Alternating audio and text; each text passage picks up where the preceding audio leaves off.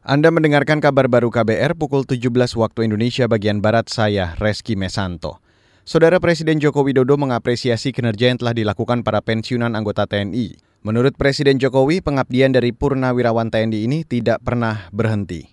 Selama aktif sebagai anggota TNI selalu berbuat terbaik dalam menjalankan tugas. Dan setelah purna tugas pun juga tidak pernah melepaskan hati dan pikiran untuk negeri kita yang kita cintai ini. Untuk itu saya menyampaikan atas nama rakyat dan pemerintah menyampaikan ucapan terima kasih yang sebesar-besarnya. Dalam kesempatan itu, Presiden Jokowi juga mengakui besaran uang pensiun bagi purnawirawan TNI masih sangat kurang.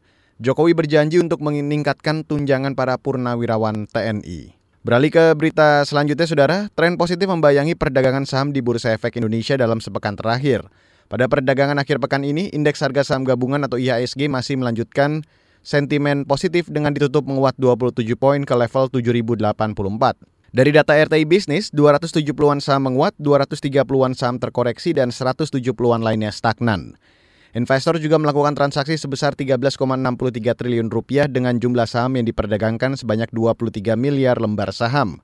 Sementara nilai tukar rupiah akhirnya menguat terhadap dolar Amerika setelah tiga hari berturut-turut menunjukkan pelemahan. Rupiah sore ini menguat 0,26 persen ke level 14.894 rupiah per satu dolar Amerika. Saudara tim para renang Indonesia tampil sebagai juara umum di turnamen olahraga difabel Asia Tenggara atau ASEAN Para Games 2022. Dalam turnamen yang digelar di Solo, Jawa Tengah ini, total medali yang diraih tim para renang Indonesia mencapai 87 medali, termasuk di antaranya 29 emas.